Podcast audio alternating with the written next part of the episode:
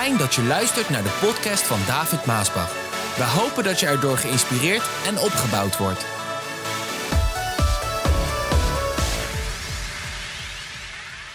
Het was de eerste dag van de week, zegt de Bijbel. En dat is zondag. Eigenlijk een, een, een christelijke kalender begint ook op zondag en niet op maandag. De meeste kalenders beginnen op maandag. Maar in het christendom is de eerste dag van de week is de zondag. Jezus was gestorven, in het graf gelegd. En eh, ja, u kent het verhaal wel, dat de wachten waren ervoor, want ze waren bang dat, uh, dat uh, de discipelen het lichaam zouden wegnemen en zouden zeggen dat hij zou opstaan. Maar dan de eerste zondag van de week, dan gaan de vrouwen, dat is Maria van Magdalena, uh, of Magdala, ligt er maar aan hoe je het uitspreekt. Uit wie hij Jezus zeven boze geesten had geworpen. Die was echt op een wonderbaarlijke manier bevrijd van boze machten. Uh, en Maria, de moeder van Jezus, en Salome, waar ik denk vriendinnen ook met elkaar. Die gingen, dat was heel gebruikelijk, het lichaam van Jezus balsemen. Met speciale kruiden, die hadden ze gereed gemaakt. Kon niet op de zaterdag, want dat was sabbat, dus dat mocht niet. Dat moest dus na de sabbat. Dus de eerstvolgende gelegenheid dat ze het lichaam van Jezus konden balsemen, dat was op de zondagmorgen. De eerste dag van de week. Dus nog voor de zonsopgaan uh, opging, dat, nou ja, wanneer gaat de zon op? 4 uur, 5 uur, 6 uur, eh, ergens in die buurt. Dus heel vroeg in de morgen gingen die vrouwen dus naar het graf om het lichaam van Jezus te balsemen. Nou hadden ze voor dat graf een hele grote steen gerold en verzegeld. En zij zaten natuurlijk te praten van, oké, okay, uh, dat lijkt me heel logisch dat ze daarover aan het praten waren. Oké, uh, uh, luister eens, als we nou bij het graf zijn, wie gaat dan en hoe krijgen we die grote zware steen weg? Want hoe komen we anders bij Jezus? Dat was dus wel een probleem. En ze zaten daar over aan het praten, maar ze gingen er toch heen. Nou, dat vind ik eigenlijk al geloof om te doen. En dan komen ze bij dat graf en dan zien ze dat de steen is weggerold. Nou, dat is al het eerste punt waarvan, nou, dan ben je eigenlijk al shocked. Dan ben je eigenlijk al. Hoe is dat mogelijk? Wie heeft de steen weggerold van dat graf? Het graf was open. Dat hadden ze niet verwacht. En dan gaan ze naar binnen in dat graf. En dat graf is leeg. Dat is ook al een wonder. Het hele paas is een groot wonder. En dan zien ze twee engelen zitten waar Jezus gelegen heeft. De ene aan de hoofdeinde, de andere aan de voeteinde. En dan zegt een van de engelen tegen de vrouwen: Hé, wat doe je hier? Uh, we komen het lichaam balsen, maar uh, hij is er niet. Hé, hey, wat is er aan de hand? Eigenlijk begon daar al zo'n consternatie. Dat was al gaande natuurlijk van vrijdag toen Jezus uh, in de hof van Gethsemane het verraad, Pilatus, Herodes, Pilatus, Via Dolorosa, aan het kruis, alle machten. Toen was er natuurlijk al een hele consternatie, ook in de geesteswereld, wat er allemaal... Dat was zo onrustig.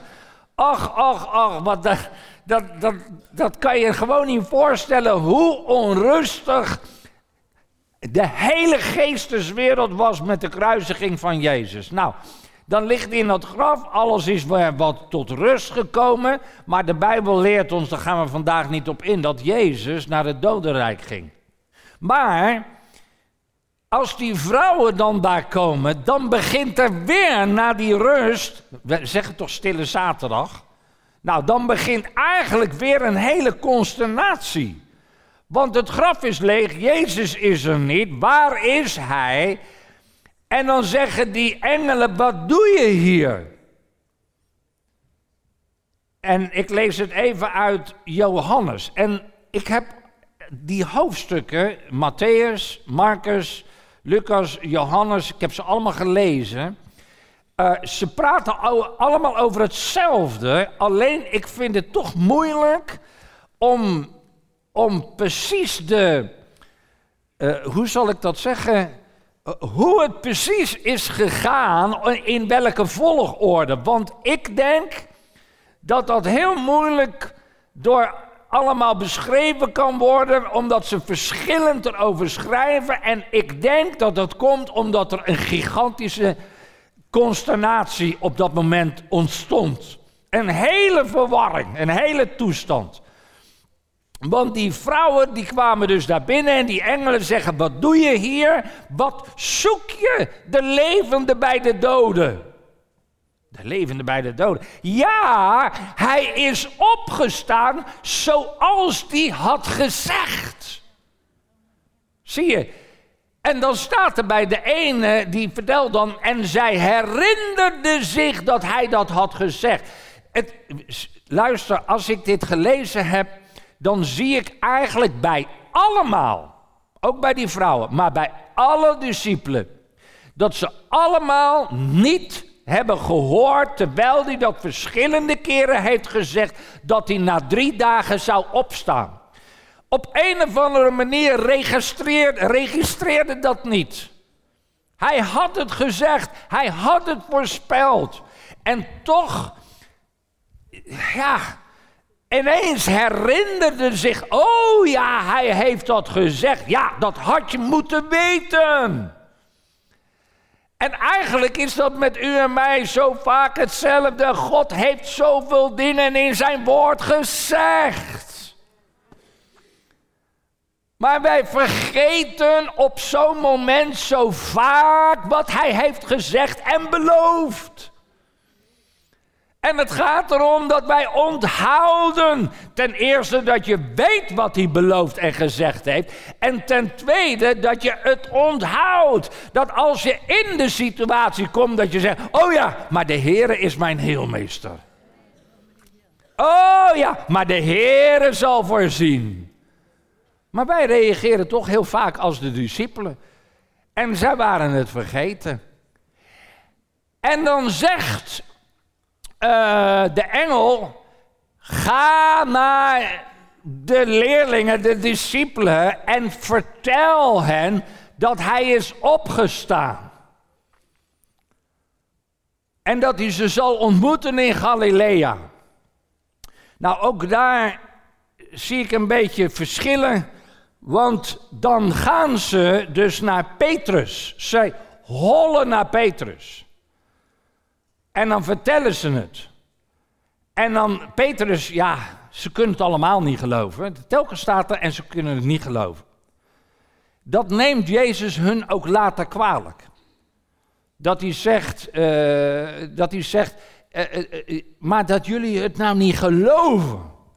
Maar goed, ze hollen naar Petrus, Petrus en Johannes. Ze gaan, zij hollen weer naar dat, ik kan me voorstellen dat ze rennen. Of in ieder geval snel lopen. en Johannes liep nog sneller, zegt de Bijbel. Die was er het eerste, maar die ging het graf niet binnen. Toen Petrus kwam, ging hij het graf binnen. En er staat, hij bukte zich in het graf om te kijken. En hij zag het graf was leeg en Jezus was niet daar. En dan gaan ze weer naar huis. Maar het blijft een wondering voor Petrus en Johannes. Ja, wat is er nou gebeurd? Wat is er nou gebeurd? Maar dan staat er dat Maria, en wanneer dat precies was, of ze nou eerst naar Petrus was en toen met Petrus weer teruggelopen, dat kan ik niet helemaal uitkomen. Maar in ieder geval, die Maria Magdalena, die, dat, dat, daar begon het lied ook mee die was dus in dat graf en dan, dan hoort ze iets buiten en dan ziet ze een man. En dan draait ze zich om en dan denkt zij dat dat de tuinman is. Nou, dat lijkt me heel logisch. Dat, uh, ze ziet een man, ze herkent die man niet. Ze denkt, oh, dat is de tuinman, die houdt het hier netjes, die houdt het hierbij. En dan gaat ze naar die tuinman. Ja, kijk, en daar zit ik een beetje mee dat ik dat niet helemaal. Dat, daar vind ik die consternatie plaats. Dat moet hebben plaatsgevonden voor die engelen. Dat die engelen. Dus eh, ja, ik denk dat dat heeft plaatsgevonden tussen dat zij dat graf openzagen en dat ze naar eh, Petrus liep en dat Petrus liep naar het graf, dat daar ergens, toen ze de engelen nog niet had ontmoet, dat daar ergens zij die ontmoeting met die tuinman had. Want dan staat er dat zij zag die man, ze dacht dat het een tuinman was, en dan zegt ze tegen die man, vertel me nou waar, waar, waar u hem gelegd hebt, want hij is daar niet. En dan begint die man met haar te praten, maar nog herkent ze hem niet. En dan zegt die man, die noemt haar naam, Maria. En het moment dat die man haar naam noemt, weet ze dat is Jezus. Dat is Jezus. Zij was dus de eerste die Jezus zag. Vind ik eigenlijk wel mooi dat God een vrouw, Jezus zocht een vrouw uit die het eerste was om hem te zien. Eh, dat, ik denk ook dat dat een beetje in de manier ging. Dat als ik, uh, ja, ik denk, jullie kennen mij nou al zo lang, uh, Francis en, en Andrew en Alyssa, Jessley Manet. Jullie weten de manier waarop ik Jazz of Jessie je, je herkent dat. Begrijp je? Dat herken je. De manier, ik denk met een baby ook. Sommigen weten uit alle huilende baby's hun eigen baby te herkennen.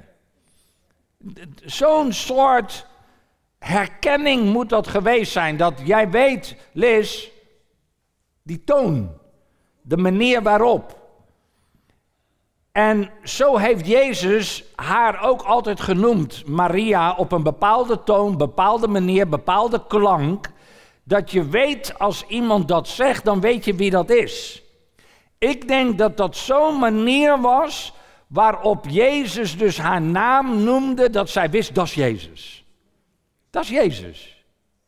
En dan zegt Jezus dus tegen haar, ga naar de discipelen om hen te vertellen dat ik ben opgestaan, dat ik ze ontmoet. Nou, oké. Dan gaat zij dus naar de discipelen. Inmiddels heeft dat plaatsgevonden van Petrus en Johannes. En dan gaat ze naar die discipelen en dan ze daar binnen bij die discipelen waar ze vergaderd staan. Ik kan me heel goed voorstellen dat die discipelen bij elkaar waren. Dat was, uh, dat was, niet, dat was geen vrolijke boel. Die waren daar bij elkaar, dat was allemaal teneurstemming. Hij was dood, hij was weg, het was allemaal voorbij.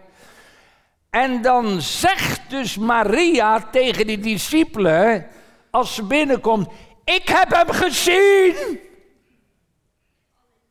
Hallo, dat was waar dat lied ook over. I have just seen Jesus. And I tell you, he's alive. Daar ging dat lied over.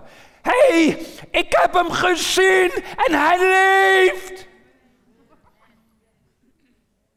Zo, ik denk dat zij op zo'n manier binnenkwam. Uh, ik, ik ging dat ook weer een beetje vergelijken. Ik denk, hoe zal ze dat gezegd hebben? Ik kan me niet voorstellen dat zij zo'n coole kikker was. Zo'n koude Nederlander. Hallo mannen. Nee, eerst krijg je even dat ze klopt op de deur, hè, want ze hadden de deur gesloten. Hè.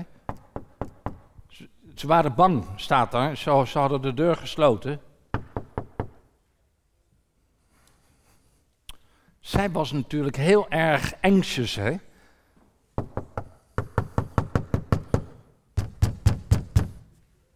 Straks gaat de deur open hier. ja, toch? Zo ging dat toch? Die deur gaat dan open, komt ze binnen. Hallo. Ik heb hem gezien. Zo kunnen mensen reageren wanneer ze bijvoorbeeld een hele grote prijs hebben gewonnen. Die, dan komt die, uh, een van die presentators en die haalt dan dat kaartje eruit. En dan zie ik al een 1 en dan zie ik 0, 0, 0, 0. En dan denk ik, wow! Bijvoorbeeld bij een miljoen, hè? Oh, fijn. En dan die presentator. Uh, het is een miljoen, hè? Ja, ik vind het wel fijn, ja. Dan denk ik, registreer. Je kan het ze niet kwalijk nemen, hè? Bij sommigen registreert het gewoon nog niet, hè? Die beseffen niet dat ze een miljoen. Nou, je hoeft mij dat maar te laten zien en ik besef heel goed. En dan zou ik zeggen: Regine! Regine! Ja, toch? We gaan kopen! Maar eerst de Heer, hè? Eerst de Heer. Nou, zo was dat ook bij Maria. Dat zij klopte aan die deur. En ik kan me niet voorstellen dat ze zo cool was, want dat was alles in haar leven. Hé, hey, ik heb hem gezien. Ik heb hem echt gezien. Hij leeft. Ik vraag me af hoe wij aan andere mensen vertellen over de dingen van de Heer. Als je een wonder hebt meegemaakt. Als je een samenkomst hebt gehad, hoe praat je over de samenkomst? Het was fijn. Je hoeft niet te schreeuwen. Dat ligt er maar aan wat de situatie is. Maar ik kan me voorstellen als je een wonder hebt gehad en de Heer heeft je genezen, dat je blij bent. Dat je dankbaar bent, dat je je emoties niet helemaal onder controle hebt. En, en dat ze daar binnenkwam. Maar ik kan me ook weer voorstellen dat die discipelen, ja, dat niet meteen. begrijp je wat ik bedoel met consternatie? Dat was een hele van. Daar was natuurlijk vanaf dat moment. begon, denk ik. Uh, ja, die. Ik denk dat er een hele verwarring kwam. Vanaf dat moment. Als ze toen Twitter en Facebook en computer en al die dingen hadden. En de ene had gezegd: Ik heb hem gezien. Want je leest in een ander hoofdstuk dat in die, op diezelfde dag, op die zondag, kreeg Jezus ook een ontmoeting met die Emmausgangers. Die herkenden hem ook niet. En er staat, het moment dat hij het brood brak en de zegen toen herkenden ze hem. Ineens zagen ze het dat hij, dat hij het was. Er zijn manieren, momenten, tonen, de manier waarop dingen gebeuren, dat je ineens iets herkent. En zij hadden hem dus ook gezien en gingen dus ook twitteren en facebooken. Ik heb hem gezien. Maar een hele hoop hadden hem nog niet gezien. Dus ik denk dat er vanaf dat moment een hele consternatie op Facebook en Twitter en telefoon en al die, die elementen waren. Dat de ene zei: Ik heb hem gezien. Kan je het voorstellen? Kan je het nou voorstellen? Hij heeft hem gezien, zegt hij. Hij zegt dat hij hem gezien heeft. Dat kan toch niet? Die, die heb je er ook tussen. Want Nee, u, u, u, u, denkt misschien ja, want dan s'avonds, als de discipelen dan bij elkaar zijn, ze hadden weer de deur op slot, en er, niet iedereen had hem nog gezien, maar wel gehoord. De een had hem gezien, de andere uh, had hem gezien, die niet en die niet. Dus in die meeting s'avonds werd er natuurlijk op een manier met elkaar gesproken van, ja, uh, uh, Jesse zegt ook dat ze hem gezien heeft en Andrew... Die zegt, maar dat kan. Hij is, dat, ik geloof dat nog niet. Nee, dat kan ik nog niet geloven. Dan plotseling staat er staat Jezus in hun midden. En dan zien ze hem allemaal. Ja, dan, dan kunnen ze. Dan valt er iets. Ik weet niet wat er toen gebeurde. Toen ze hem weer zagen. Ze konden het nu ook niet meer ontkennen. Ze zagen hem nu zelf ook. En er is een spreekwoord wat zegt: zien doet geloven. Maar dan zegt de Bijbel dat Thomas was er niet. En als Jezus dan weer weggaat en die discipelen vertellen aan Thomas allemaal dat ze hem gezien hadden, zegt Thomas, wat zegt Thomas? Nee, ik kan niet geloven. Kan niet geloven. Er zijn dus echt mensen, al zouden wij allemaal hier Jezus ineens zien en wij zouden het vertellen, zullen er een hele hoop zijn die zeggen, nou, dat kan ik niet geloven. Ja, hij is echt in Capitool geweest, echt waar, ik heb hem zelf gezien. Nee, ik kan het niet geloven. Luister, al ga je op je kop staan, ze zullen het nog niet geloven. Nee, ze zullen het niet geloven.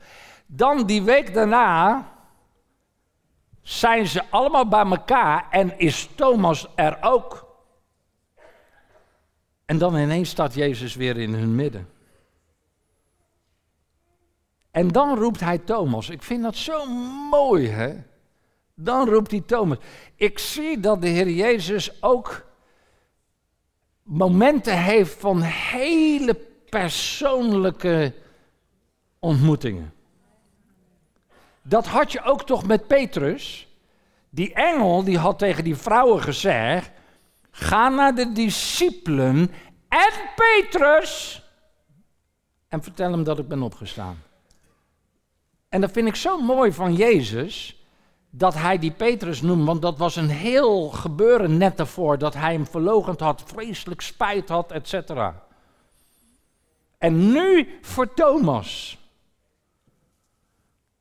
En dan zegt Jezus tegen Thomas, Thomas, kom eens hier.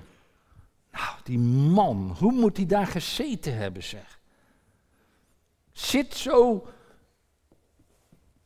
met de andere discipelen en nog steeds natuurlijk op een manier praten van, nou ja, ja, ja, ja, joh, maar luister, ik geloof het alleen maar als ik hem zelf zie. Nee, niet eens als ik hem zie. Ik moet, ik moet die wonden, want stel je voor dat het een namaak is. Nee, ik moet die wonden zien. Een, een uh, hoe noem je zo'n, uh, iemand die invalt? Lookalike. Stel je voor dat het een lookalike is. Ach, mensen gaan zo ver. Mensen gaan zo ver in hun ongeloof. Er zullen een hele hoop mensen zijn die u ook echt niet geloven. En dat kunnen ook zelfs broeders en zusters zijn. Als je zegt, het was een knaldienst, het was zo fijn. Ik heb zo genoten, God was zo in ons midden. Zullen er altijd broeders en zusters zijn, eventueel die niet meer komen, of familie of vrienden, die zullen dat niet geloven. Nou, hij was ook zo, ja, maar ik moet het wel zien. Moet het wel voelen. En dan roept dus Jezus Thomas. En dan moet hij opstaan te midden van zijn broeders. Dat was één op één. God die doet soms één op één. Dat vind ik zo mooi. Dat kan hij ook bij u doen. Eén op één. Niet altijd momenten. En dan gaat Thomas naar hem toe en dan zegt Jezus, Thomas, kom eens. Voel, doe je vinger zo in, want dat, dat zat er nog. Die gaten zaten er nog. Doe je vinger erin. Zie je? Ik ben het. Ik ben het echt. Ik ben geen lookalike, ik ben het echt. Doe je vinger in je zij. In mijn zij. Voel je de wond? Ja, ja, ja. Oh, oh, u bent het echt, Heer. U bent het echt. Zijn hele hart sprong op. En dan zegt de Heer Jezus, Thomas, Thomas, Thomas, Thomas, Thomas. En hij zei het eigenlijk tegen iedereen. Want soms, ja, soms dan zeg ik wel eens Frank, maar ik bedoel jou. Nou, dat bedoel ik niet echt nu hoor, ik neem je als voorbeeld. Ja, maar zo gebeurt dat wel eens. Dat je in een bepaalde vergadering, dan zeg je iets, maar je bedoelt jou. Ja, maar zo werkt dat. En Jezus zei tegen Thomas, maar hij bedoelde allemaal, want ze geloofden allemaal niet dat hij was opgestaan. Lees het maar. Dat neemt hij ze ook kwalijk. Waarom? Jullie geloven zelfs niet degene die, zoals die vrouwen, degene die mij gezien hebben, geloven jullie niet. En dan zegt hij, Thomas, zalig ben je als je mij, in mij gelooft, maar me niet gezien hebt. Dus dat gaat nog echt een stap verder, dat je gelooft, ook al zie je het niet. Dat is wat Jezus zo graag wil. Dat je niet omver gaat of ongelovig bent, maar dat je gelooft, ook al zie je het niet. De Heere is mijn heelmeester, ook al zie ik het niet. De Heere zal voorzien in al mijn noden, ook al zie ik het niet. Ook al wordt het erger, toch zal Hij voorzien. Ook al wordt mijn ziekte ernstiger, toch geloof ik dat de Heer mijn heelmeester is. Je houdt er zelfs aan vast in je sterven, maar de Heer is mijn heelmeester. Dat is geloven hebben. Dat is wat Jezus zo goed doet. Als wij zullen geloven, ook al zien we het niet. Geloven wat Hij zegt op, in zijn woord. En dit is wat bij mij eigenlijk zo, ja, wat mij eigenlijk zo'n simpele prediker maakt van het evangelie. Waarom ben ik zo'n... Mijn simpelheid is juist mijn kracht. Dat was bij Jezus ook zo. Zijn simpelheid was zijn kracht, want de fariseeërs en de schriftgeleerden begrepen hem niet, maar de eenvoudige mensen begrepen hem. En als God zegt in zijn woord, dit is paars, dan zeg ik, dit is paars. Dan zegt u, nee, dit is niet paars, dat is grijs. Ik zeg, nee, maar God zegt dat dit paars is. Ja, maar je ziet toch dat het grijs is? Ja, maar God zegt dat het paars is. begrijpt u dit wat ik zeg? Want daar gaat de nuchterheid weg en alle kennis die wij hebben opgedaan, dat zegt dat dit grijs is. Natuurlijk, dit, dit, als ik met u meepraat, zeg ik ook dit is grijs. Maar als God, niet als een ander. Als, Frank, als jij zegt dit is paars, dan zeg ik nou Frank, ik denk dat je even een bril moet kopen. Of ben je kleurenblind misschien, dat kan ook. Dan moeten we bidden voor genezing. Maar dit is echt grijs. Maar als God zegt dit is paars, dan zeg ik dit is paars. En dan kan iedereen zeggen dat dit grijs is, maar dan zeg ik nee, dit is paars, want God zegt dat dit paars is. En zo werkt dat met al die elementen als God in zijn woord. Daarom geloof ik ook altijd de prediker die het woord van God predikt. Als een prediker het woord van God predikt en hij predikt het in recht en in waarheid, dan zeg ik daar amen op. Zo is het. Ook al zegt iedereen dat het anders is, maar dan zeg ik amen op het woord van God. En dat hoop ik dat we vandaag tijdens dit paasfeest ook mogen leren. Dat wij zullen zijn als de vrouwen. Die waren de eerste evangelisten die God gebruikte om anderen te vertellen dat hij was opgestaan. Zo alsjeblieft, hou de vrouwen niet tegen als ze willen getuigen dat Jezus is opgestaan. Dat is wat God laat zien. En laten we dan geloven wat de Bijbel zegt ten alle tijd. Amen.